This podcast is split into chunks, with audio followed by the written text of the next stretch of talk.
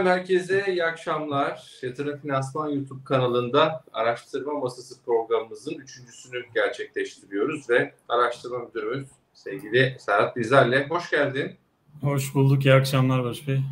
İyi akşamlar. Çok teşekkür ederiz bizlerle olduğun için. Serhat Kaya, Yatırım Finansman'ın araştırma bölümünün başında. E, dolayısıyla e, bu akşam bol bol borsa, bol bol endeks, hisse konuşacağız yatırım finansmanın doğrudan görüşlerini sizlerle paylaşma imkanı bu programda bulacağız. Ee, değerli izleyicilerimize bir kez daha hoş geldiniz diyelim. Ee, klasik anonsumuzu da yapalım. Ee, yatırım Finansman YouTube kanalına ücretsiz bir şekilde abone olabilirsiniz. Abone olmayı ihmal etmeyin. Aynı zamanda yayınımızı beğenirseniz beğen tuşuna da lütfen basın ki YouTube algoritmasında daha da yukarıya doğru çıksın ve daha fazla kişi yayınımızı izleyebilsin. Çanakkale'ye buradan selamlarımızı, sevgilerimizi iletelim. Serhat nasılsın? Keyifler nasıl? Nasıl gidiyor bilanço dönemi? Teşekkür ederiz. Bilanço döneminin e, çoğu geride kaldı. Hı hı. E, çoğu bitti azı kaldı. E, yani genel olarak e, aslında bek korkulduğu kadar kötü değil bilançolar. Bir miktar tabii e, beklentinin altında gelen bazı hisseler de oldu ama genel anlamda aslında e, yani korkulduğu kadar kötü değil, kötü değil diyebiliriz. E, yılın geri kalanı içinde genelde şirketler bilanço sonrasında yaptıkları e, beklenti revizyonlarında genellikle yukarı yönlü hareketler var. E, tabii bunda işte kurların enflasyon etkisi e, kesinlikle e, mevcut. E, ama yine de e, fena olmayan bir bilanço dönemi diyebiliriz. E, bir yandan da tabii piyasa hareketli. E, piyasanın hareketli olması da tabii e, işleri daha en azından kötü dönemlere göre hani kötü e, genel olarak baktığımızda iyi olan bilançolar bu sefer e, hakkını veriyor piyasa ama kötü olanlarda da hatta bazen e, hani biraz kıyak çekip çok sanki cezalandırmıyor gibi piyasa şu anda. E, Sizin en yüksek en yüksek derken en yoğun olduğunuz dönem bu bilançolar değil mi Serhat'cığım? Evet yani e, akşamları özellikle bilan, kap, e, piyasa kapandıktan sonra e, bazen 3-4 tane yani takip ettiğimiz şirketlerden 3-4 tane bilanço olursa tabii e, kapanış sonrası bizim için ekstra mesai oluyor. Evet, tekrar teşekkür ederiz. Şimdi genel bir piyasa yorumuyla başlayalım isterim e, sevgili Serhat.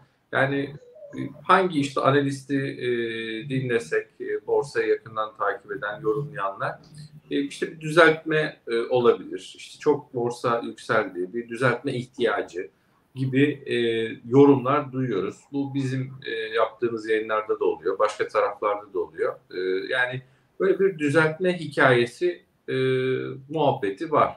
Ama e, senin ben görüşünü merak ederim. Genelde bu yorumlar şöyle de bağlanıyor. Ya bir düzeltme olacak ama enflasyon temel anlamda baktığımızda enflasyonist bir ortam ve borsa gider diye de e, sonuna ekleniyor. Ben senin ve sizin araştırma bölümünün görüşünü merak ediyorum. Hem temel anlamda yorumlayabilirsin sevgili Serhat hem de teknik anlamda da anlatmak istersen e, zevkle dinleriz. Tabii. E, ya tabii e, bir kere çok fazla genelleme yapıp hani nasıl olsa enflasyon var, e, borsa sürekli yukarı gidecek e, gibi bir yaklaşım çok sağlıklı olmaz tabii. E, çünkü hani bu sene rakama dökmek lazım. Hani bu seneki işte genel olarak enflasyon beklentileri yüzde 60 civarında. Ee, işte sene başındaki endeks seviyesini alıp hani enflasyona göre endeksi sadece götürsek e, işte 8500 8800 o civarlarda gözüküyor. Yani enflasyon eğer tamamen tamamıyla endekse yansırsa e, gelinen fiyat seviyeleri de yani o e, hedeflere yakın olduğu için tabii biraz kar satışları e, normal. E, bir önceki yayında tabii e, o zamanlar herhalde 6500 civarındaydık. Yani oralarda da hani teknik olarak düzeltme bekleyenler vesaire vardı ama e, yani o noktalarda getiri potansiyeli ve risk arasına baktığımızda getiri potansiyeli daha cazipti. Ama geldiğimiz noktada 7500'ün üzerinde yani 8000'e yaklaşan bir piyasada tabii bir miktar daha getiri potansiyellerinde düşüş daha az en azından daha az cazip getiri potansiyelleri var. O yüzden de kar satışları e, normaldir. Hani burada tabii e, işte paranın gideceği yer yok e, gibi bir e, argüman da var ama yani e, faizleri bayağı düşük çünkü 25'ler Hatta 20-25 aralığına galiba düştü. Evet ama şöyle bir şeyi de unutmamak lazım. Yani sene başından beri ya daha doğrusu özellikle seçim döneminden beri yani kur ve e, borsa arasında bir şey var, yarış var. İlk başta kur e, seçim sonrasında önde gidiyordu. Daha sonra işte kur belli bir seviyede yataya bağladı. E, borsa onu yakaladı ve sonrasında da geçti. Şu anda baktığımızda dolar bazında e, getiri elde etmiş durumda hisse yatırımcıları. E, o yüzden buralardan da hani e, nakite geçeyim, başka bir yere gitmesem bile en azından hani kaza, karımı koruyayım düşüncesiyle e, satış yapanlar olabilir ki oluyor da zaten birkaç gündür de bunu görüyoruz. Yani piyasada bir yorulma emareleri herkesin zaten gördüğü bir şey. E, o yüzden biraz daha böyle hani ta, ta, tabii ki burada hani e, yüzde çıkılması e, şey değil ama e, sağlıklı değil ama e, yani çok giden pozisyonlardan belki biraz azaltma yönünde yatırımcılar karar alabilir. Yani burada örneğin hisse ağırlığı yüzde 60 ise 70 ise bunu 5 puan 10 puan kesebilir veya işte 30-40'lardaysa yine 5 puan kesebilir. Orada hani portföye göre de bu kararların alınması daha sağlıklı. Evet, e, canlı yayındayız. Bir kez daha ifade edelim. Sevgili Serhat Kaya Yatırım Finansman'ın araştırma müdürü. E, araştırma masası programımızın da ismi. Hedef fiyat revizyonları bu akşamın konusu ama genel borsayı da yorumluyoruz ki izleyicilerimiz mutlaka merak ediyordur. Abone olan izleyicilerimizin mesajlarını ekrana yansıtabiliyorum. E, mesela onlardan bir tanesi İmmet Bey diyor ki düzeltme olur diye diye nakite geçen kaybetti diyor. Bugün %100 mala girdik demiş mesela. E, tabii ama orada işte oranı ayarlamak lazım. Bir miktar karlı pozisyonları belki e, azaltılabileceğini sevgili Serhat ama böyle bir ortamda hani tamamen e, borsaya veda etmekte bu enflasyonist ortamda çok kolay değil. O konuda e, haklısınız. Oktay Bey pazar günü Nuri Sevgen programı neden sonlandırdınız? Tek pazar keyfimiz sizdiniz demiş.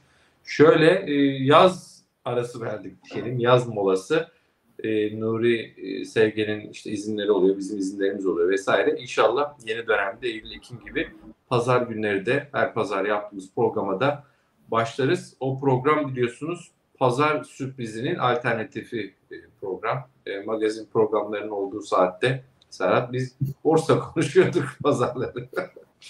pazarları öğlen magazin programları var ya nereye? Evet evet.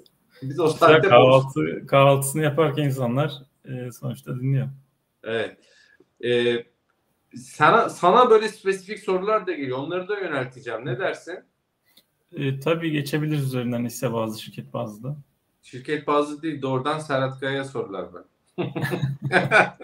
yok yok takılıyorum. Şöyle İbrahim Yüzeroğlu demiş ki mesela yatırım finansman ekibi hedef fiyat belirlerken çarpanları düşük olan sektör veya hisseler yoksa büyüme hisseleri nasıl seçiyorlar? Yöntemleri neler? Soru biraz karışık ama bilmiyorum sen bu sorudan ne anladın? Anladım. Yani çok ucuz olan hisse bulamadığınızda e, ne yapıyorsunuz gibi bir gibi. soru anladım. Yani doğru anladıysam. E, ha, yani evet, aynen gibi. Evet. Ya biz tabii ki borsada e, hani en kötü dönemde bile e, fırsatlar oluyor. Açıkçası hani analistlerin de işi aslında onları bulmak. E, yani tabii ki o dönem yani çok her şeyin çok primli olduğu dönemlerde e, bu sefer riski az olan e, en azından düşüş olduğunda da yani piyasaya göre daha az düşecek olan hisseleri bulmak e, orada öne, önem arz ediyor. E, onun dışında da e, dediğim gibi yani en kötü e, dönemde bile e, o kötü dönemden fayda sağlayacak, e, o kötü dönemde iyi performans gösterecek, bilanço olarak karını artıracak sektörler ve şirketler oluyor. E, onları hani yakalamaya çalışıyoruz e, açıkçası. E, yani şeyimiz o. Zaten bütün amacımız o. Araştırmanın da amacı bu. E, Levent Bey nasıl hesap açarız demiş. Yatırım finansmanda online bir şekilde hesap açabilirsiniz. E, görüntülü görüşmeyle de hesap açabilirsiniz. O konuda e, sevgili Çağlar yine bu akşam bize yardımcı oluyor. Açıklama bölümünde bir link vardır diye tahmin ediyorum. O linki tıklayarak e, oraya e, bir kayıt bırakırsanız online bir şekilde görüntülü e, görüşme vasıtasıyla yatırım finansmanda hesap açabilirsiniz. Bu arada e, yeni yatırımcılarımıza, e, yatırım finansmanda yeni hesap açan yatırımcılarımıza e, Tuncay Turşucu ile olan yayınlarda da bolca kullanıyoruz biliyorsunuz. Tokis Pro e, bir analiz işte bilançoları vesaire analiz edebileceğiniz bir programı hediye ediyoruz. İki aylık ücretsiz bir şekilde bu programı kullanabiliyorsunuz. Bir kez daha tekrarlıyorum. Yatırım finansmanda yeni e, hesap açan izleyicilerimize iki aylık bu analiz programını hediye ediyoruz. E, açıklama kısmında link var. Oraya online hesap açılış için doldurursanız arkadaşlarım sizde irtibata hemen geçecek ve hesap açacaklar diyelim. Şimdi e, eğer e, ben genel endekse ilişkin sevgili Serhat bir yorumun yoksa bittiyse asıl tarafa geçelim. Ne dersin? Tabii tabii. Yani e, şimdi bilançoları e, sordunuz. Orada işte bizim araştırma ekibimiz e, sağ olsun arkadaşlar her bilanço sonrası gelen bilanço sonrası takip ettiğimiz hisselerde e, hedef fiyatlarımızı revize ettiler. E, ki zaten buna hani mecburduk çünkü e, birçok hissede hedef fiyatlarımızı geçmişti hisse fiyatları. E, onlardan bahsedebiliriz e, isterseniz. Model portföyümüzde yine değişiklikler var. Tamam. Modelle Ondan... başlayalım istersen sonra modelin içine girelim model portföyün. Tabii. O, e, sevgili Çağlar belki model portföy ekranda yansıtabilir. Hı hı. E, oradan da üzerinden geçeriz. Sonra tek tek revizyonlarla da devam ederiz. Tabii. E, şunu da model portföy ilişkin sevgili Serhat sen hazır burada olduğun için mesela Erdal Bey demiş ki e, yatırım finansmanı müşterinize aylık yüzde kaç kazandırdığınızda kendinizi başarılı addedersiniz. Şöyle söyleyelim. Bence model portföyümüz sene başından bu yana endeksi nasıl yendi? Bence Hı-hı. bu soruya öyle yanıt verelim. Sözü sana bırakayım. E, tabii bir kere yani bu soruya şu kadar kazandırırız kesin şu kadar yok, e, şey yok. veririz gibi bir şey zaten cevap veren birisi olursa e, oradan kaçarak uzaklaşsın. Aynen. Yani %5 getiriyi borsadan garanti ederim dersin. Mevduattan yani tabii ki burada hiçbir zaman ama. getiriler garanti evet. kimse edemez. Ee, biz araştırma ekibi olarak burada e, en çok beğendiğimiz hani piyasada e, hem kısa vadeli hem orta vadeli e, beklentisi olumlu olan hisseleri seçip burada bir özet olarak sunmaya çalışıyoruz yatırımcılara. E, buradaki performansımız da şu anda işte e, yaklaşık e, 7,5 ay oldu. 7,5 ayda %100'e yakın bir getirimiz var. E, aynı dönemde de BIST getirisi %40 civarında olmuş. E, Bunun altını çizelim bir dakika. Borsa İstanbul 100 endeksi sene başından bu yana %40 getiri sağladı. Evet. Yatırım finansmanın model portföyü sene başından bu yana %99.2 mi? Evet. Yüzde yüz diyelim. Hadi ben yuvarlıyorum. Yüzde yüz getirisi aldı. 40 bir tarafta, yüzde yüz bir tarafta. Valla tebrik ediyorum. San, san, sana ve ekibine. Bravo. Bizim zaten en çok gurur duyduğumuz, dışarıda anlattığımız diyoruz ki harika bir araştırma ekibimiz var. Ee, Serhat Kaya'mız var. Onunla beraber çalışan arkadaşlarımız var. Bunu hep anlatıyoruz. Hakikaten çok da seviniyoruz. Ben sözü sana yeniden bırakayım. Sağ olun. Yani biz tabii ki burada istikrarı korumaya çalışıyoruz. Ee, bunun bir garantisi yok tabii ki ama biz hani e, kötü zamanlarda da aslında burada şeyi de belirtmek lazım. Mesela ilk 5 ayda kötü piyasa varken de e, aslında bizim model portföyümüz o kadar düşmemişti. O daha bence değerli yatırımcılar açısından. Çünkü hı hı. o dönemde de mesela e, en azından sermayelerini korumuş oldular. E, bu sepete yatırım yapan yatırımcılar diyelim. E, yani aynı şekilde biz hani hisseleri bulup devam ettirmeye çalışacağız ama hani soru özelinde bir rakam garantisi kesinlikle zaten vermez ki biz araştırma birimi olarak da zaten bir e, müşteri için bir işlem yapmıyoruz. Biz sadece tavsiye veriyoruz. E, müşteriye bunları kendisi yapar ya da e, portföy yönetim e, sözleşmesi imzalayarak SPK e, düzenlemeleri çerçevesinde e, bizim e, portföy birimi tarafından port şeyini, e, portföyünü yönetmesine izin verebilir. E, buradaki e, şeye gelirsek bizim taraftaki şimdi en son değişiklikleri model portföyde. E, Türk Traktör vardı bir önceki e, yayında. E, aslında o zaten e, bilanço beklentilerinde de en çok güvendiğimiz hisselerden birisiydi. Ki öyle de oldu. Güçlü bir bilanço geldi. E, piyasada da bunun karşılığı olumlu oldu.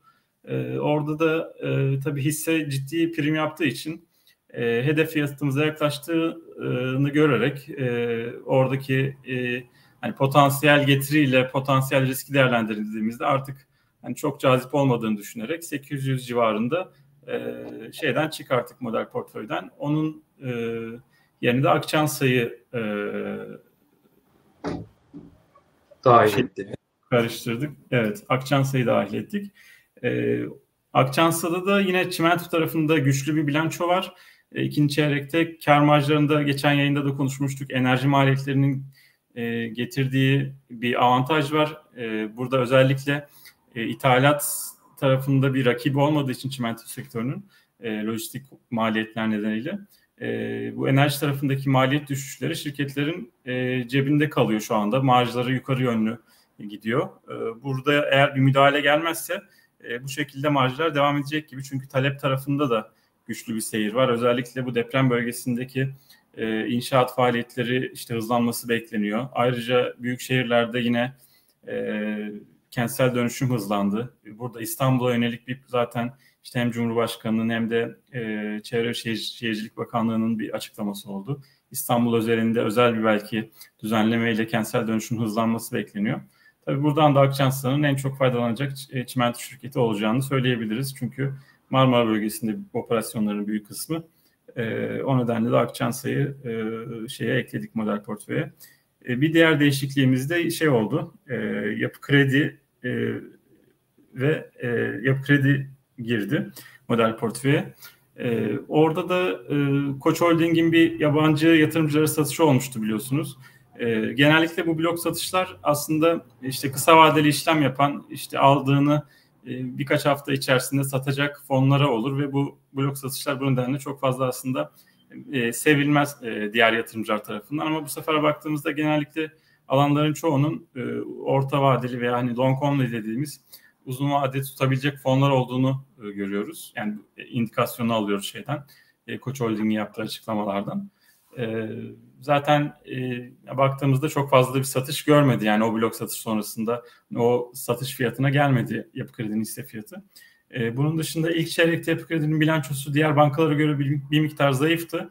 Fakat o aradaki farkı yılın geri kalanında kapatmasını biz bekliyoruz.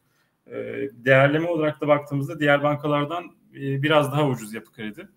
E, o yüzden e, zaten banka yoktu bizim model portföyümüzde. Daha önce hani konuşmuştuk holdingler üzerinden ilerliyorduk. Bir tane de banka eklemek adına yapı krediyi ekledik. Ee, bu arada şeyi galiba yanlış söyledim. Az önce Akçans'a girerken biz enerji sayı çıkarmıştık. Ee, Türk Traktör çıkarken yapı krediyi ekledik. Onu düzelteyim. Ee, tamam. Enerjisa'da da hani çok kısaca onda bahsetmek gerekirse onu da geçen sene Aralık ayında eklemiştik. Ee, enflasyon koruması aslında olarak düşüncemizdi. Beklediğimiz gibi de aslında per, güzel bir performansını gördük. Onun da hedef fiyatımız işte 50 lira civarındaki hedef fiyatımız vardı. O da gerçi revize oldu sonradan ama e, o dönemde hedef fiyatımıza e, ulaştığı için de orada evet. kar realizasyonu tercih ettik. Serhat ufak ufak aralara gireceğim izninle. Tabii. Yani isticamını eğer bozmayacaksan kusura bakma. Mesela çünkü böyle mesajlar da var, sorular da var. Dediğim gibi e, abone olanları ekrana yansıtabiliyorum. Yatırım Finansman YouTube kanalına abone olan izleyicilerimizin. Diyor ki yani enerjisi dahil edilemez Mustafa Şen Bey. Enerjisa vardı zaten. Evet evet. Portföyde. Onu anlattı Serhat değil mi? Şimdi hemen yazmış da o yüzden. Çok yakın bir zamana kadar vardı. İşte onun yerine e, biz Akçansa'ya e, döndük. Enerji sayıyı çıkartıp e, Akçansa'ya e, geçiş yaptık. E, yani bunun tarihi de yeni aslında yani. Akçansa'nın bilançosunun gelmeden birkaç gün önceydi diye hatırlıyorum. Evet. Ee, orada çünkü Akçansa'nın bilanço beklentisi daha kuvvetliydi bize göre. Hem de bu bahsettiğim kentsel dönüşüm beklentisi bence önemli. Ee, orada Akçansa'nın e, yani bu yüksek karlılığının devamlılığını sağlayacak bir gelişme olur. Ee, ekranda yansıttı galiba arkadaşlar. Evet. Yani enerjisi, enerjisi da beğeniyoruz ama şimdi gelinen fiyat seviyesindeki hani getiri potansiyeline baktığımızda Akçansa biraz daha cazip geldi bize açıkçası. Tamam. Yani bir te- iki, ikisinin arasında bir tercih oldu diye evet, bakmak evet. lazım. Ee, Serhat bir soru daha vardı ya Türk Traktör e, ya çıkarılır mı model portföyden falan gibi. Şimdi bunları da böyle bu soruları yansıtıyorum ki izle yani sen teknik e, bir adamsın. E, rakamlar, işte evet, fiyatlar, e, hesaplamalar vesaire. İzleyicilerimizin daha böyle benvari soruları olabiliyor. Biz de onları açıklamaya e, çalışıyoruz. Mesela, mesela Türk Trak anlattın ama tık çıkarılır mı hiç? Mesela niye çıkardık hakikaten deyip böyle bir kez daha belki altını çizmek gerekir.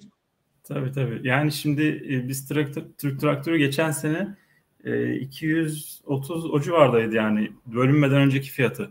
Yani bölünmüş fiyatını alsak herhalde 100 liralara falan geliyor. Yani 100 liralardan eklediğimiz bir hisse 800 liralara geldi.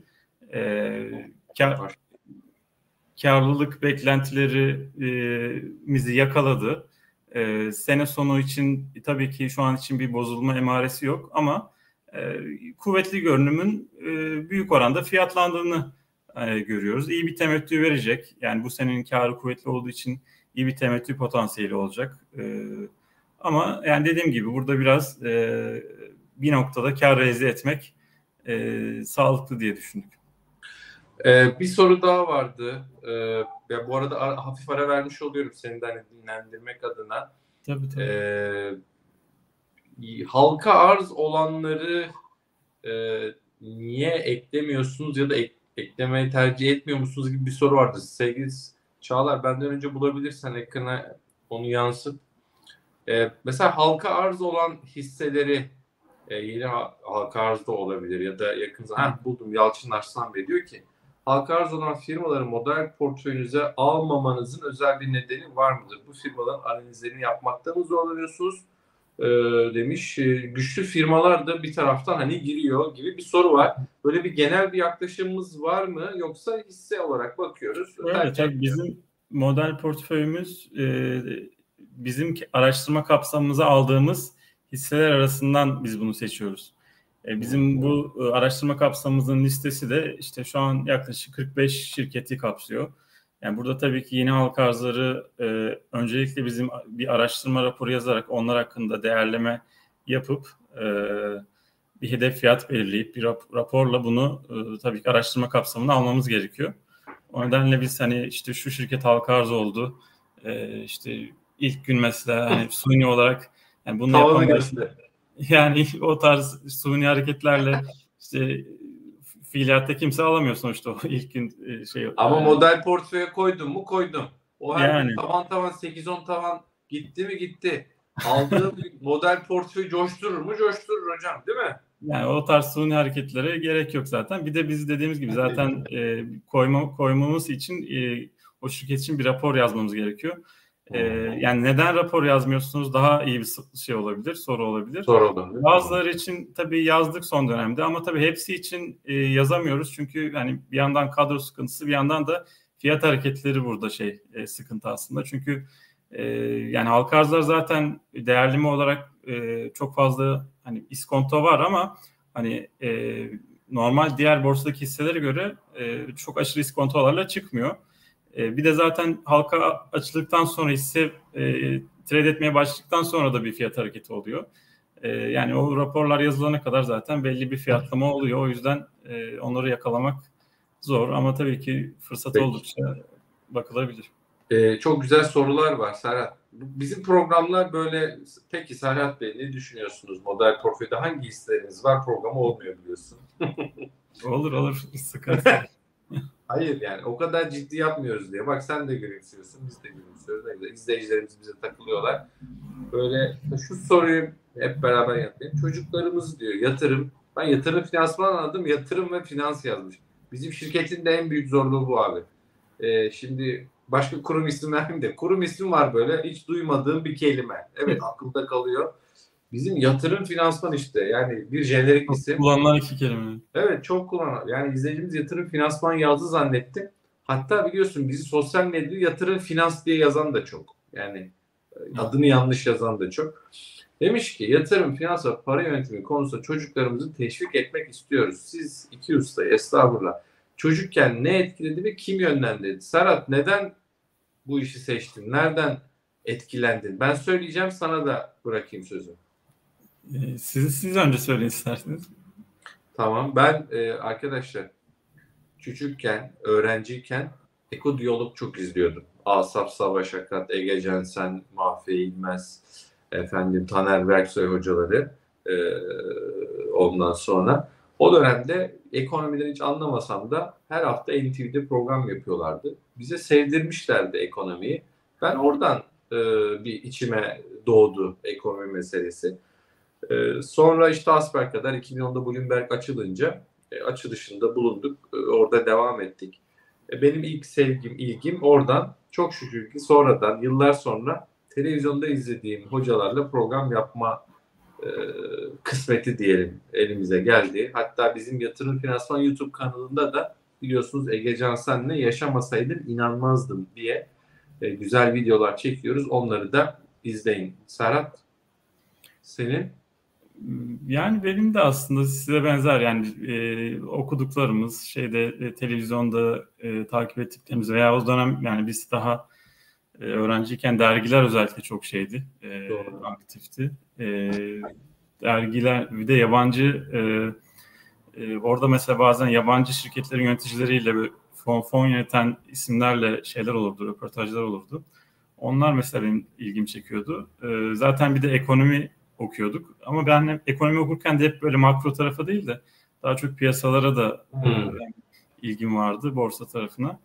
E, tabii hocalarımız da bizim e, Koç Üniversitesi'nde e, Cevdet Hoca şu anda Merkez Bankası'na e, geçti. E, çok değerli bir hocamızdı. E, yani ondan da mesela çok şey e, yani ilham verdi diyebiliriz. E, Anladım. Yani, Senin tarafta da böyle. Evet. Arkadaşlar yatırım fiyatına hesap açma konusunda limitimiz yok.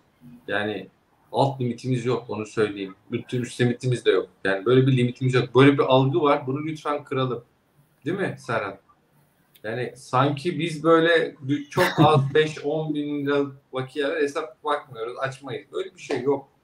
Tabii ki. Evet. Yani açabilirsiniz. Hiçbir alt limitimiz yok yani. Üst limitimiz yok, alt limitimiz de yok. Ee, şimdi dönelim istersen e, yeniden model portföy sevgili Çağlar ekrana getirsin. Ara ara izleyicilerimizin mesajlarının da interaktif olması için efendim e, ekrana getireceğiz. Ee, model portföyünden geldi ekrana. Evet, hı devam edelim. Çıkardığımız iki ve yeniden koyduğumuz iki tane hisseyi söyledik sanırım değil mi Serhat? Aynen. E, buradaki yani hedef fiyat revizyonlarından isterseniz bahsedebiliriz. Çünkü işte bilançolar sonrasında hepsi yukarı yönlü revize oldu. E, işte Kardemir'de daha önce e, 24 lira civarındaydı hedef fiyatımız. Onu 35'e çektik. E, Sabancı Holding'de 95 lira şu anda yine orada ciddi bir upside yükseliş potansiyeli var. E, Turkcell'de e, 52 idi daha önce şimdi 85 liraya yükseldi hedef fiyatımız. E, Tüpraş'ta 140 liraya yükseldik e, hedef fiyatımızı ki o da son günlerde gayet iyi gidiyor. E, konuşmuştuk. Üçüncü şehre özellikle kuvvetli olduğu için Tüpraş'ın da e, şu anda piyasa beklentiyi satın almaya başladı. E, yapı krizden bahsettik. E, Koç Holding'de yine e, iştiraklerin performansı iyi gittiği için o, orada da hedef fiyatımızı e, yaklaşık 200 lira civarına yükseldi. E, burada sanırım Pegasus'ta bir şey var. Pegasus'u da dün çıktığı için herhalde bu e, şey gelmiş. Pegasus'ta da e, 1200 lira civarına yükseldi hedef fiyatımız. 1200 ha, niye hala portföyde diye bir soru var. Burada bu yeni mi çıktı şey revizyon? Bu evet sabah olduğu için herhalde e, Güncellenme. bir, bir gün öncesinin hedef fiyatını yani bir gün öncesinden gelen dosyadan herhalde aldıkları için hı hı. E, eski hedef fiyat kalmış ama orada da 1255'e e, analistimiz hedef fiyatını yükseltti. E, Çağlar ee, belki bugünün raporunu bulabilirse hedef fiyat revizyon raporu Pegasus'la ilgili onu da gösteririz. Aynen. Yani orada da e, yani havacılık tarafında bilançolar aslında kuvvetli. E, tabii önden yani bazı bilançolar önden yani bilanço gelmeden önce e, aslında çoğu şeyi fiyatladığı için mesela Pegasus'ta bilanço sonrasında kuvvetli bir açılış oldu ama e, kar satışları gelmeye başladı. O yüzden yani bazı şeylerde hisselerde iyi bilançolar gelse de e, piyas, piyasanın çok fazla pozitif tepki vermediğini gördük. O yüzden e, Türk Hava Yolları'nda da mı öyle oldu? Yanlış mı hatırlıyorum? Türk Hava Yolları'nda da, da evet aynı şekilde orada da öyle oldu. Yani Türk Hava Yolları'nda da aslında çok fazla bir beklentinin üzerinde bir rakam yoktu zaten. O beklentiye hmm. paralel gibiydi. Yani çok hafif farklar vardı. E, Pegasus'ta ama beklentinin oldukça üzerindeydi rakam. E, ama tabii yani burada yatırımcılar da aslında bir şey bu. E, e, örnek. Yani bir hisse bazen bilanço öncesinde e, beklentiyi tamamen fiyatladığında e, bilanço sonrasındaki hareketler biraz e, dikkat etmek gerekiyor. E, orada tabii bizim şeyimiz devam ediyor. Yani hala o tarafta Türk Hava Yolları'nın yerine Pegasus tercihimiz devam ediyor. Ee, Rapor geldi bu arada. Sen istersen hızlıca bunun üzerinden de neden belki Pegasus diye anlatmak istersen hedef fiyatı şöyle yaklaşıyorum 1255 mi olmuş? Evet aynen. Oo, bayağı. Şu an e, getiri potansiyeli %34 diye görüyorum. Evet yani bugünkü kapanışla biraz daha fazladır hatta %39 e, civarında bugün 903 hmm. kapattığı için. Ee, yani e, oradaki şimdi karlılık trendlerine baktığımızda bu şeyde de hani model portföyün üzerinden geçtiğimiz yayında konuşmuştuk. Yani hmm. uçuş dağılımı yurt dışına doğru kaydığı için Pegasus'un e, orada da e, uluslararası uçuşlarda daha fazla müşteriler bu e, ek harcamalar yapıyorlar. Bu da tabii karlılığa olumlu yansıyor. Bir yandan da yılın ilk yarısında e, jet yakıtı fiyatları gerilemişti. Onun e, olumlu bir etkisi var. E, yani gene fiyatlama bir yandan bilet fiyatları kuvvetliydi. E, genel olarak aslında yani ikinci çeyreklere göre yani çok kuvvetli bir kar marjı elde etti Pegasus. Yani normalde bu, bu marjları üçüncü çeyreklerde yani en kuvvetli sezonlarda görürdük. Ama neredeyse o, o dönemlere yakın bir karlılık var. E, bu tabii üçüncü çeyrekte de büyük ihtimalle devam edecek ama burada bir risk faktörü olarak şimdi tekrardan jet yakıtının yukarı yönlü harekete başladığını e, not etmekte fayda var. E, o yüzden oradan bir miktar e, marjlar törpülenebilir. E, çünkü yani Brent petrol çok hareket etmedi ama e, jet yakıtı ile Brent arasındaki makas e, açılıyor. Yani Tüpraş'ta da bunu rafineri marjı olarak zaten takip ediyoruz. Yani şu anda jet yakıtı tekrar yönünü yukarı çevirdi. O yüzden bir miktar marjlar tarafında e, daha doğrusu maliyetler tarafında yukarı yönlü e, hareket olabilir. E, onu belki bir not olarak düşebiliriz burada. Peki. Ee, sevgili Serhat Kaya devam ediyor. Yayınımızı eğer beğeniyorsanız lütfen beğen tuşuna basmayı unutmayın bu arada ki yayın daha fazla kişiye ulaşsın. Bu yayını daha sonra da biliyorsun Serhat izliyorlar. Seninle daha önce yaptığımız iki yayın vardı. Ee, o yayınlarda çokça izlenildi. Hatta ben çok atıf yaptım sonradan. Hele bir Türk traktör anlattın sen bize mesela. Bilanço öncesi, bilanço öncesi konuştuk. Türk traktör öyle ilk zaten manşetteydi. Çok iyi geldi ve çok güzel getiri de sağladı o dönemde. Hı Ee, seninle yaptığımız yayınlar çok değerli. O yüzden izleyicilerimiz sonradan da izliyorlar. Sonradan izleyenler de YouTube'da lütfen alta yorum bırakmayı ihmal etmeyin.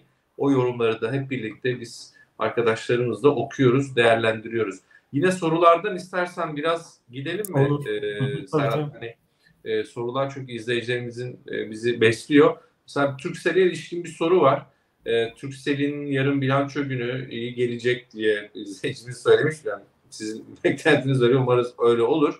Türksel'in de bu hafta artması gerekmiyor muydu? Bir Türksel yorumu alalım ve bilanço beklentimiz de varsa e, istersen onu da aktarmış olalım. Turkcell'de 3 milyar civarında bir kar bekleniyor. Ee, yani aslında e, kuvvetli bir rakam. Belki tabii bunu da aşma ihtimali olabilir.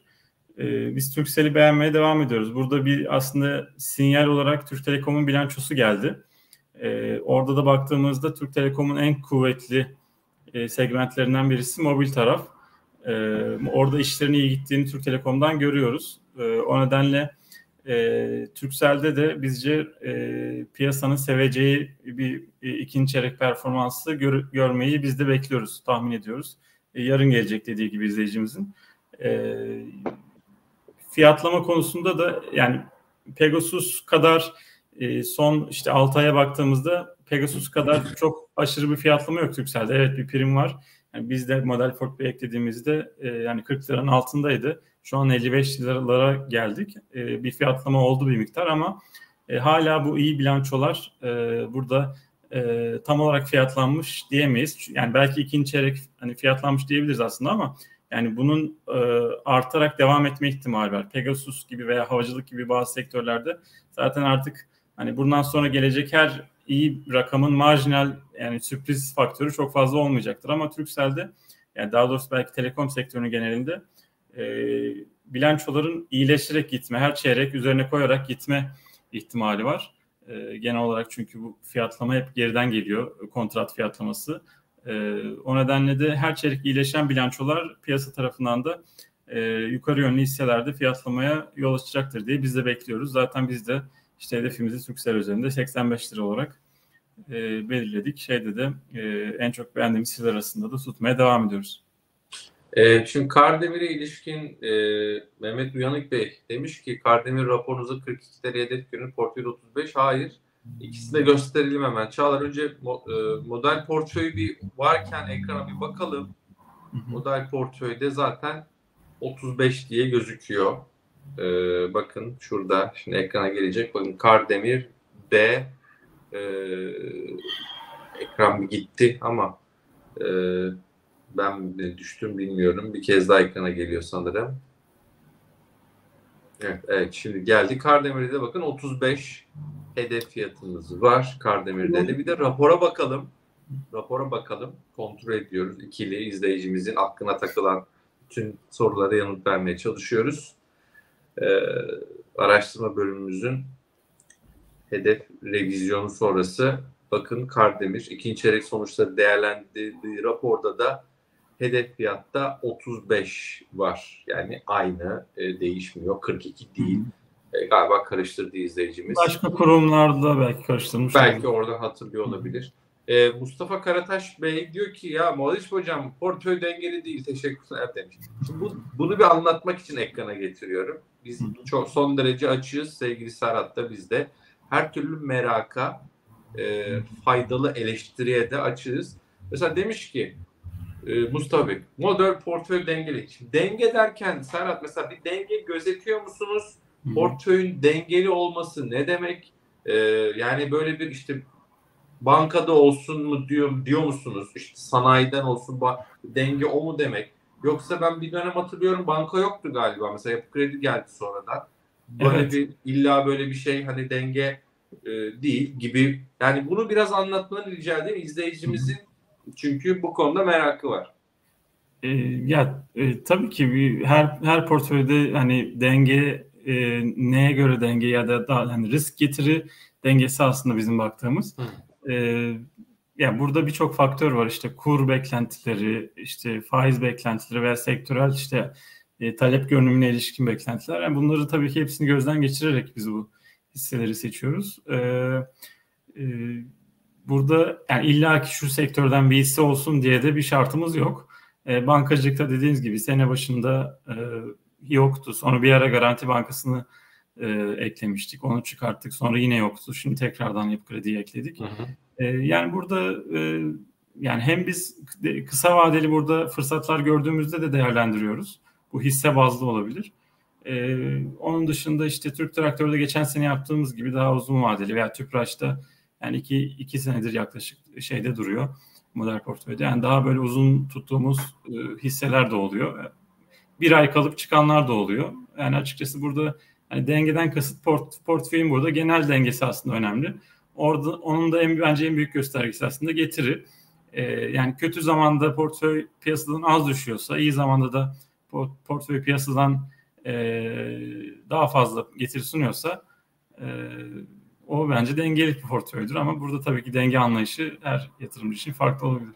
Evet. Şey çok güzel söyledin. Hatta bugün e, nerede konuştuk? Bir yerde konuştuk. E, bir bir, bir, e, bir müşterimizi ziyarete gittik. Orada yine senden bahsettik bu arada. Dedik ya bizim işte araştırma e, birimimiz çok kuvvetli. Sonra müşterimiz dedik ya Barış dedi ya bu arada benim tanıdığım e, bir dostumuz büyüğümüz e, demir çelik sektöründe dedi ki Barış ya bütün işte bankalar da geliyor tabii ona. Ya herkes de aynı şeyi söylüyor dedi. Bizim araştırmalarımız çok kuvvetli diye. Ya dedim tamam onlar söyleyebilir de orada da rakamlar var bir de işte yani borsa sene başından bu yana yüzde 40 getirmiş. Bizim model portföy araştırma biriminin ortaya koyduğu bu yüzde yüz getirmiş yani rakamlar var. Orada şeyin sohbetini yaptık. Ee, hatta sevgili e, Cüneyt Paksoy da vardı bizimle. Ona da selam olsun. Dedi ki ya burada dedi önemli olan şimdi yükseliş tabi rally döneminde borsadan ne alsan gidiyor hikayesi. Orada da tabi yine bizim tarafta olduğu gibi borsa endeks 100 giderken e, endeks 100 yüzde 40 giderken yüzde 100'ü yakalamak da harika. E, gerçekten büyük başarı. Bunun işte şunu da yakalandığında borsa mesela e, tam tersine ayıp piyasasının aşağı doğru giderken borsa diyelim ki yüzde on düşerken senin portföyün yüzde iki yüzde üçle kurtarabiliyorsa bu da çok değerli. Ee, Yani illa borsa %10 düşerken sen %10 yükseleceksin. Bu biraz çok iddialı olur ama genel müthiş bir, bir dalga olduğunda o dalgadan daha az etkilenmek de oldukça önemli diyelim.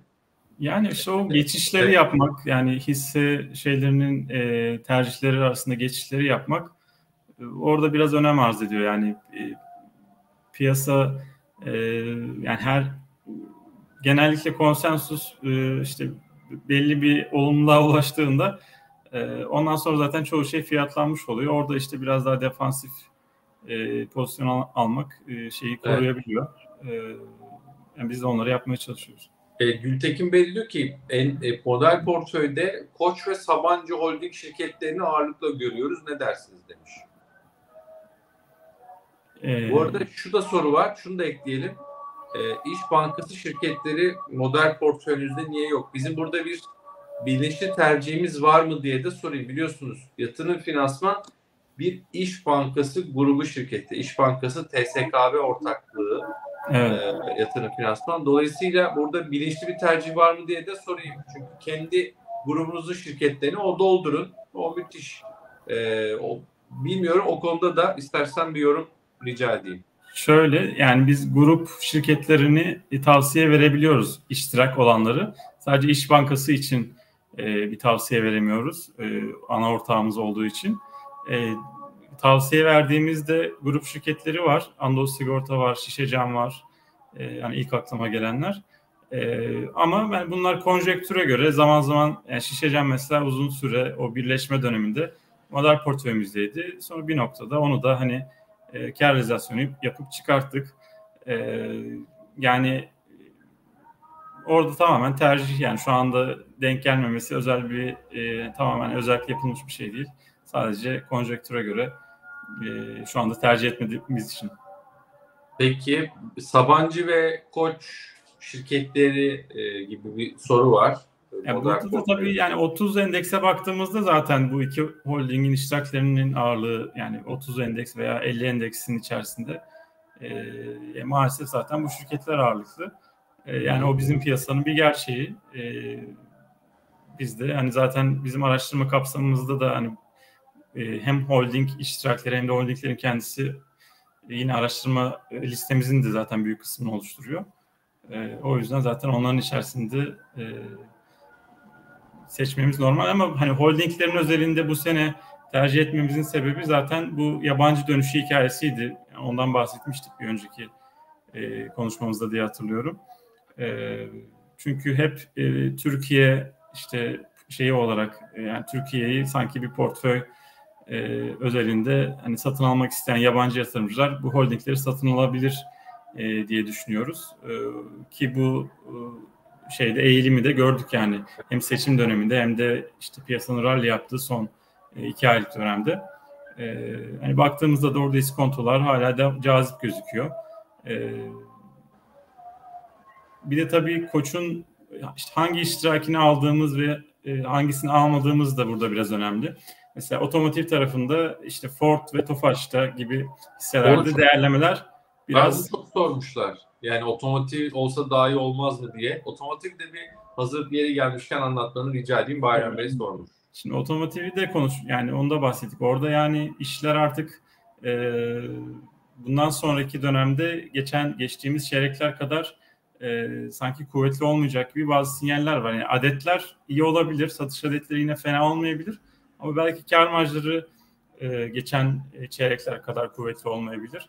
E, çünkü işte bu getirilen finansal sıkılaştırma önlemleri e, sonucunda bu otomotiv tarafındaki o yüksek talepte bir miktar yumuşama sinyalleri olduğu veya arzda da bir miktar artış oldu ve bunun da o piyasadaki o aşırı fiyatlamayı e, işte sıfır fiyatına alıp üzerine 100 bin 200 bin koyup satma döneminin hani geride kaldığını e, sektör temsilcileri zaten söylüyorlar. O yüzden hani oradaki tercihimiz otomotivi almaktansa hani bu iş oradaki bu değerlemeler böyle kalacaksa zaten Koç Holding'e de yansıyacak diyerek hani biz Koç Holding'i almayı tercih ediyoruz. Oradaki yani o mesela az önceki soruda da denge dedikleri şey yani hep bu denge tercihi bu aslında. Yani biz e, yani 12,5 milyar dolar olan Ford almaktansa e, yani bu fiyatlardan Koç'u almak bize daha mantıklı geliyor.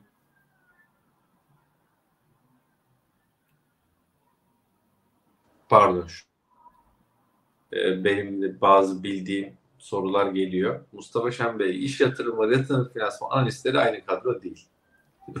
İş yatırım farklı bir kurum, yatırım finansman farklı bir kurum.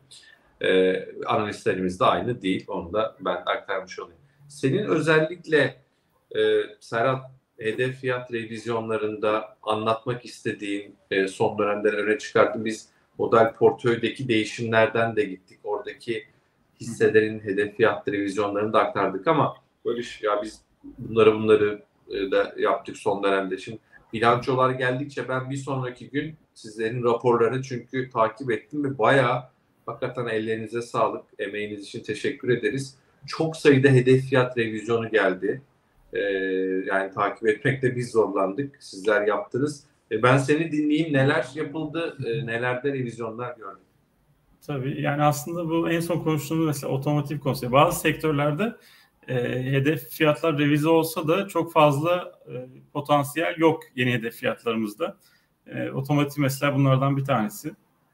E, orada Tofaş'ta zaten e, şeyimiz vardı yani nötr görüşümüz vardı. Ford tarafında e, biraz daha olumluyduk ama onu da mesela bilanço sonrasında endekse paralel getiri olarak yani tut ta, yani aldan tuta çekmek gibi ona denk olan bir revizyon yaptık orada. Hedef fiyat olarak da Ford Otosan'da e, 1100 liraya e, revize ettik hedef fiyatımızı. E, Tofaş için de 295 liraya. E, ki ikisi için de hani piyasanın geneline göre nispeten daha az. Yani Ford'da biraz daha yine en son düşüş sonrasında bir miktar daha şu anda getiri potansiyeli oluştu.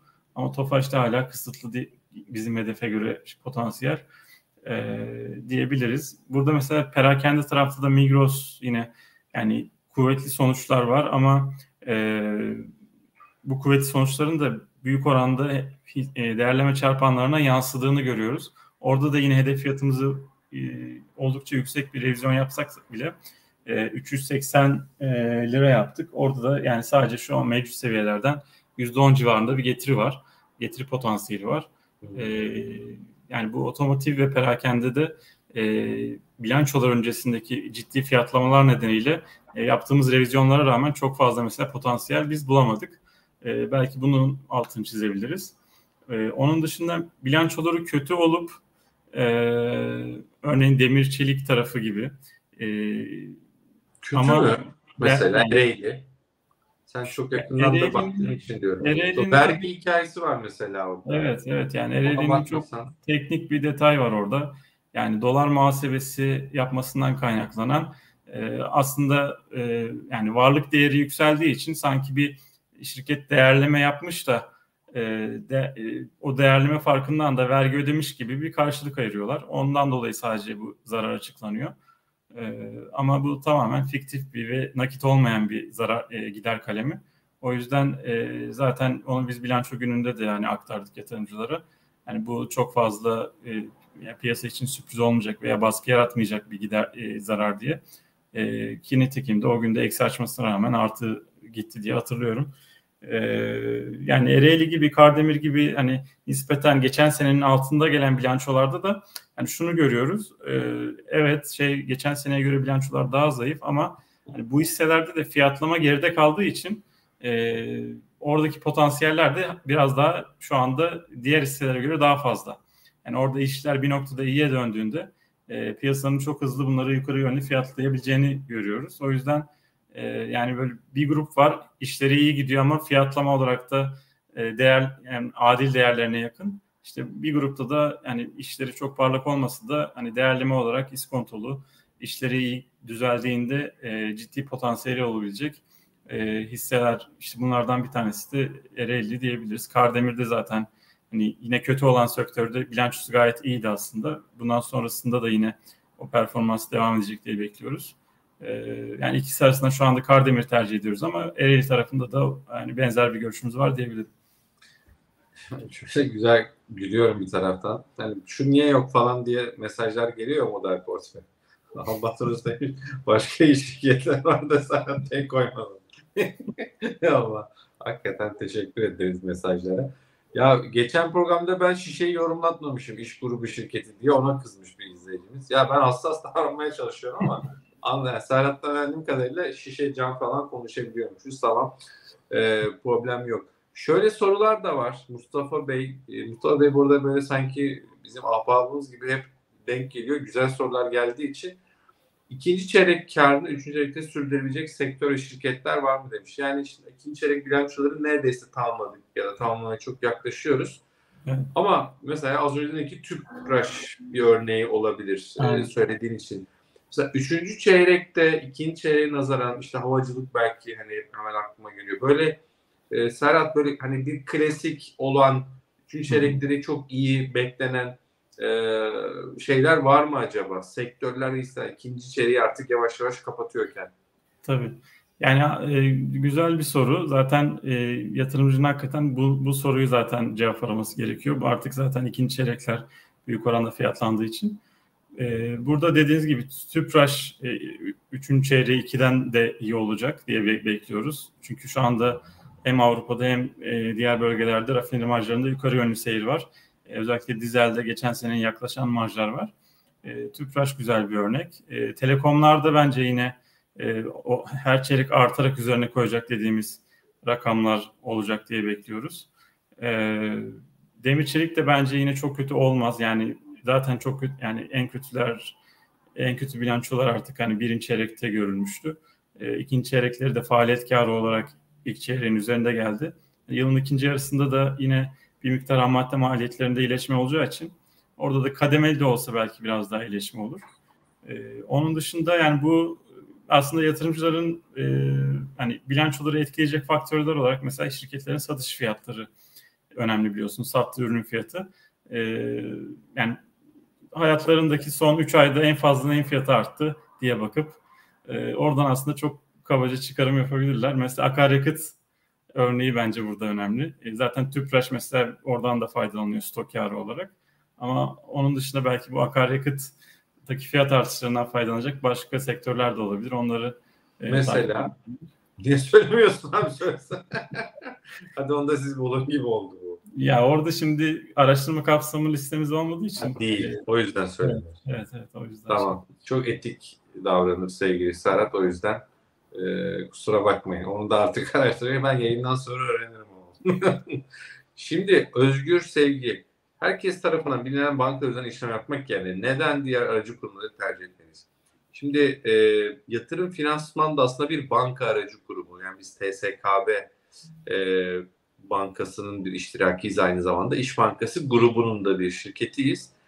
E, şimdi ne fark var? Bir kere bildiğim genel böyle genel geçer kurallar vardır. Komisyonlar e, daha uygun olabilir. Komisyon avantajı olabilir. Yatırım finansman bir banka aracı kurumu olmasına rağmen kasları diğer aracı kurumlar gibi aslında e, esneyebiliyor. Onu söyleyeyim. Komisyon e, ifade ettiğim gibi e, sizin kendi aslında model işte portföyünüz modellerinin de portföyünüzün büyüklüğüne işlem hacminize göre vesaire değişebilir. Orada avantajlı komisyonlar önerilebilir. İkincisi ben biraz şöyle görüyorum. Ee, yani böyle bir okyanusta kaybolmak yerine belki daha butik hizmet alma ihtiyacınız olabilir. E, o yüzden de tercih ediliyor olabilir e, gibi gibi e, ya da iyi bir araştırma bölümü olabilir böyle bizimki gibi. Oradan aldığınız hizmetten memnun olabilir. Bu da yine e, hani bildiğimiz banka aracı kurumlar harici diğer aracı kurumların tercih nedeni olabilir diyeyim. Şöyle genel bir yorum yapmış olayım bu konuya da. E, Yusuf Bey teşekkür ederiz. Evet yayınımızı eğer beğendiyseniz lütfen e, beğenmeyi unutmayın diyelim. Sevgili Serhat da sen devam et istersen hani revizyonlardan ufak bir ara verdik. E, istersen devam edelim. Tabii. E, bankacılık tarafındaki e, şeyden de bahsedebiliriz. Yani bankacılık tarafında da e, rakamlar e, yani korkulduğu kadar kötü gelmedi açıkçası şeyde ikinci çeyrekte. E, çünkü işte birçok banka bu e, şeylerden alsat e, komisyonlarından vesaire ciddi karlar yazarak o marjlardaki daralmayı telafi ettiler. E, bir ara çünkü o mevduat faizleri seçim öncesi dönemde özellikle çok yükselmişti. Onun olumsuz yansımasından korkuyorduk ama oradaki etki biraz telafi edildi diğer kalemlerle. E, o açıdan yani yılın ikinci yarısında da şimdi kredi faizlerinde yukarı yönlü bir hareket var. E, aksine mevduat faizlerinde de aşağı yönlü bir gevşeme var. Yani ortam bankacılık sektöründe ikinci yarının daha iyi geçeceğini işaret ediyor. Yani az önceki soruyu da aslında bankaları da dahil edebiliriz. Enflasyon da daha da yükselecek. O tüfek kağıtları olan bankalar da herhalde oradan bir tur daha bir güzel kar doğru, doğru aynen. Oradan da bir katkı aynen gelecek. E, o açıdan e, yani banka tarafında e, zaten son dönemde iyi performanslar gördük. Tabii hedef fiyatlara baktığımızda da e, yani hızlı bir fiyatlama oldu. Yani biz e, mesela Garanti Bankası'nda e, daha önceki hedef fiyatımız 34'tü. Yeni hedef fiyatımız 56.90 ama zaten hisse fiyatı da yani yeni hedef fiyatımıza da geldi neredeyse. E, yani defter değerlerine hatta yaklaştı yani bazı bankalar. E, yani bir çarpanlara yaklaştılar. E, bazıları da geçti daha ufak olanlar. E, yani banka tarafında iyi olan e, şeyler, haber akışları e, bir miktar fiyatlandı. Ama tabii iyi bilançolar geldikçe yine hedef fiyatlar da yukarı revize potansiyeli olacaktır. Orada özellikle işte biz yapı krediyi biraz daha ön plana çıkarıyoruz. E, zaten şeyde konuştuk model portföy tarafında. E, onların ilk çeyrekteki o olumsuz diğer bankalara göre biraz daha zayıf açıklanan bilançosunun e, kalan ikinci yarıda e, telafi edileceğini, o, o daha iyi rakamlar gelebileceğini tahmin ediyoruz yapı kredi tarafında. Peki bankalarda böyle. Bu arada mesajlara bakıyorum. Olcay Karadayı e, isminizi arkadaşlarım hemen not ediyor. Neden e, hesabı size açamamışız, bize ulaşmaya çalışmışsınız. E, onu hemen not edeceğiz. Yarın da hemen size dönüş sağlayalım. Eğer e, iletişim bilgilerinizi Twitter'dan bize yazarsanız DM'den, e, Yatırım Finansman'ın Twitter adresinden, doğrudan mesaj bölümünden bize yazarsanız daha kolay size ulaşırız. İsminiz, soy isminizden de ulaşmaya çalışırız ama bu yolu biraz hızlandıralım. Hani elimizden geleni yapalım e, hesap açmak için sizlere. Bankalar harici e, bir vizyon olan aktarmak istediğim var mı yoksa sorularla mı devam edeyim? Ee, şeyden sanayi tarafında demir çelikten bahsettik. Yani aslında benzer bir görünüm Petkim'de de var. Petkim'in de yani kötü olan e, sektörlerin içerisine dahil edebiliriz. Çünkü orada da dünya genelinde bir arz fazlası var. Bu da marjları olumsuz etkiliyor. E, orada hani baktığımızda mevcut marjlar devam ederse aslında e, genel olarak piyasa biraz olumsuz görüyor Petkim'i ama e, burada şeyi genel e, beklentileri ve performansı değiştirebilecek şirketin son e, bu yılın geri kalanında önemli bir e, şeyi var. Hisse satın alımı var. Star Rafinerisi'nde e, %12 payı satın alacak. Bu zaten daha önce açıklanmıştı. Artık bu işlem tamamlanmış olacak Ekim ayı itibariyle. Burada bir tekrardan erteleme olmayacaklarını şirket açıkladı. Erteleme olmayacağını. Şimdi bu e, e, hissenin e, Star Rafinerisi hissesinin Petkim'in bilançosuna girmesi demek Star'ın karının %12'sinin her çeyrek Petkim'in net karına eklenmesi anlamına geliyor. Bu tabii bir miktar destek olacak Petkim'e. Bunun haricinde aslında Star'la Petkim arasında bazı beklenen sinerjiler vardı.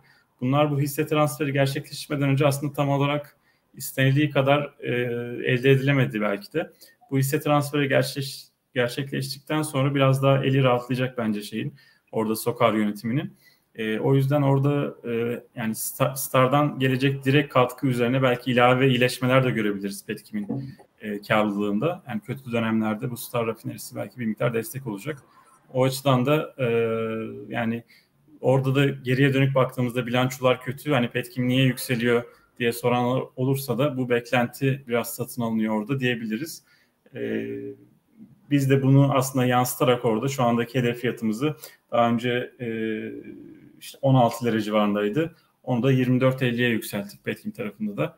Yine %20 civarında bir e, potansiyeli hesaplıyoruz yukarı yönlü. Peki. Ee, yavaş yavaş tamamlayalım mı? Bir saate geldik. Aynen yani zaten genel olarak tamamladık. E, bilançolar işte bir 3-4 günümüz kaldı. Hmm. Belki bittikten sonra bir tur daha geçeriz önüne. Şu mesajı da göstereyim sana. Okuyabiliyor musun? Benzeten oluyor mu hiç? Yok. İlk, bizi e, e, İlker Başbuğ'a çok benziyorlar. E, eski işlerimde özellikle. Hadi ya. Yandan problem. Allah Allah. Ama şimdi Tabii siyah tişörtü görünce izleyicimiz Tansel Bey hemen yapıştırmış. Ama bir andırıyorsun yani Acun'u.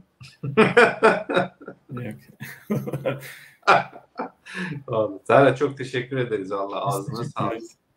Ee, çok güzel e, bir program oldu. Yine senin e, katılımla. Yatırım danışmanlığı için minimum yani portföy yönetimi için bir şey var bildiğim kadarıyla. Bilmiyorum sen yanıtlamak ister misin?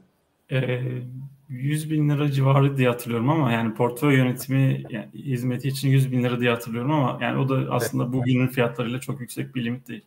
Evet ama hesap açmak için arkadaşlar bir alt limitimiz yok lütfen. Yani hesap e, açabilirsiniz yani ve hesap açmanız için elimizden geleni de yaparız. Az önce izleyicimiz ulaşamamış. Orada biz e, notumuzu aldık, ekibime de ilettim. E, yeni zaten müşterimiz olanlara da işte eski müşterilere bir şey yok mu diye bize böyle e, hafif sistem edenler var. Onun için de bir şey mutlaka düşünelim. E, ama e, şöyle söyleyelim, yeni müşterimiz olanlara Stokis programını iki aylık ücretsiz bir şekilde hediye ediyoruz. E, ve işte analiz, hisse analizini, bilanço analizlerini çok rahat bir şekilde e, o program üzerinden yapabiliyorsunuz. Bunun için de e, açıklama bölümünde bir linkimiz var. E, oraya e, başvurabilirsiniz diye. Mobil uygulamamız var.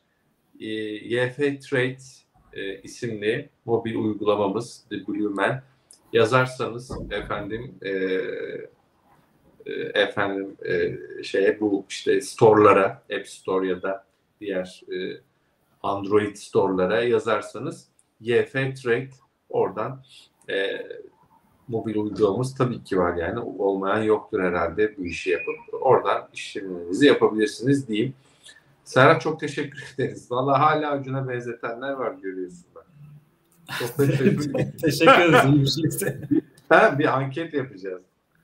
Ee, Ozan Bey hesap açınca hisse aktarımı yapabiliyorsunuz. Tabii virman yapabiliyorsunuz. Yani herhangi bir aracı kurumdan e, yatırım finansmana bir e, işte EFT havale gibi bir şey birman yapabilirsiniz e, ve çok kolay bir şekilde buradan devam edebilirsiniz. Evet aracı kurumlar hakkında yanlış bilinenler konusunda yayın yapmanız fayda sağlayacaktır demiş. Doğru güzel bir evet yayın olabilir gerçekten ya bunu biz bir düşünelim. Çünkü mesela şöyle oluyor yatırım finansman sattı yatırım finansman aldı falan. Ya da yatırım finansman en çok aldığı hisseler. Şimdi ben geçen gün Twitter'a yazdım hatta o haberi de ekleyerek dedim yatırım finansmanın en çok aldığı hisseler ifadesi yanlış. Yatırım finansmanın aracılık yaptığı en çok alınan hisseler ifadesi doğrudur. E, dolayısıyla yatırım finansman aracılık eder. Kendisi almaz, kendisi satmaz. O sizin işte Matrix'te, Forex'te e, aracı kurum dağılımı diye en çok alanlar, en çok satanlar diye gördüğünüz e, bilenler evet biliyor ama bilinen bir şey belki söylüyorum ama hala buna böyle yaklaşanlar var. O yüzden bizim her zaman altını çizmemiz lazım. Yatırım finansman müşterilerin alım satım işlemlerine aracılık eder. Adı üstünde aracı kurumdur. Kendisi alıp satmaz. Onu da söyleyeyim. Çok teşekkür ederiz. Ee, sevgili Serhat tekrar ağzına sağlık. İnşallah. Teşekkür ederiz e, bir sonraki e, programda ne zaman yapıyoruz? Haftaya mı? Bakalım bilançoları tamamlayalım. Ee, konuşuruz. Tamam. Bir bitsin, bir bitsin. Tamam. Ee, sevgili Serhat'ı da inşallah yeniden e, program alırız. Güzel bir akşam diliyorum. Ee, efendim Allah'a ısmarladık. Herkese iyi akşamlar. Yatırım Finansman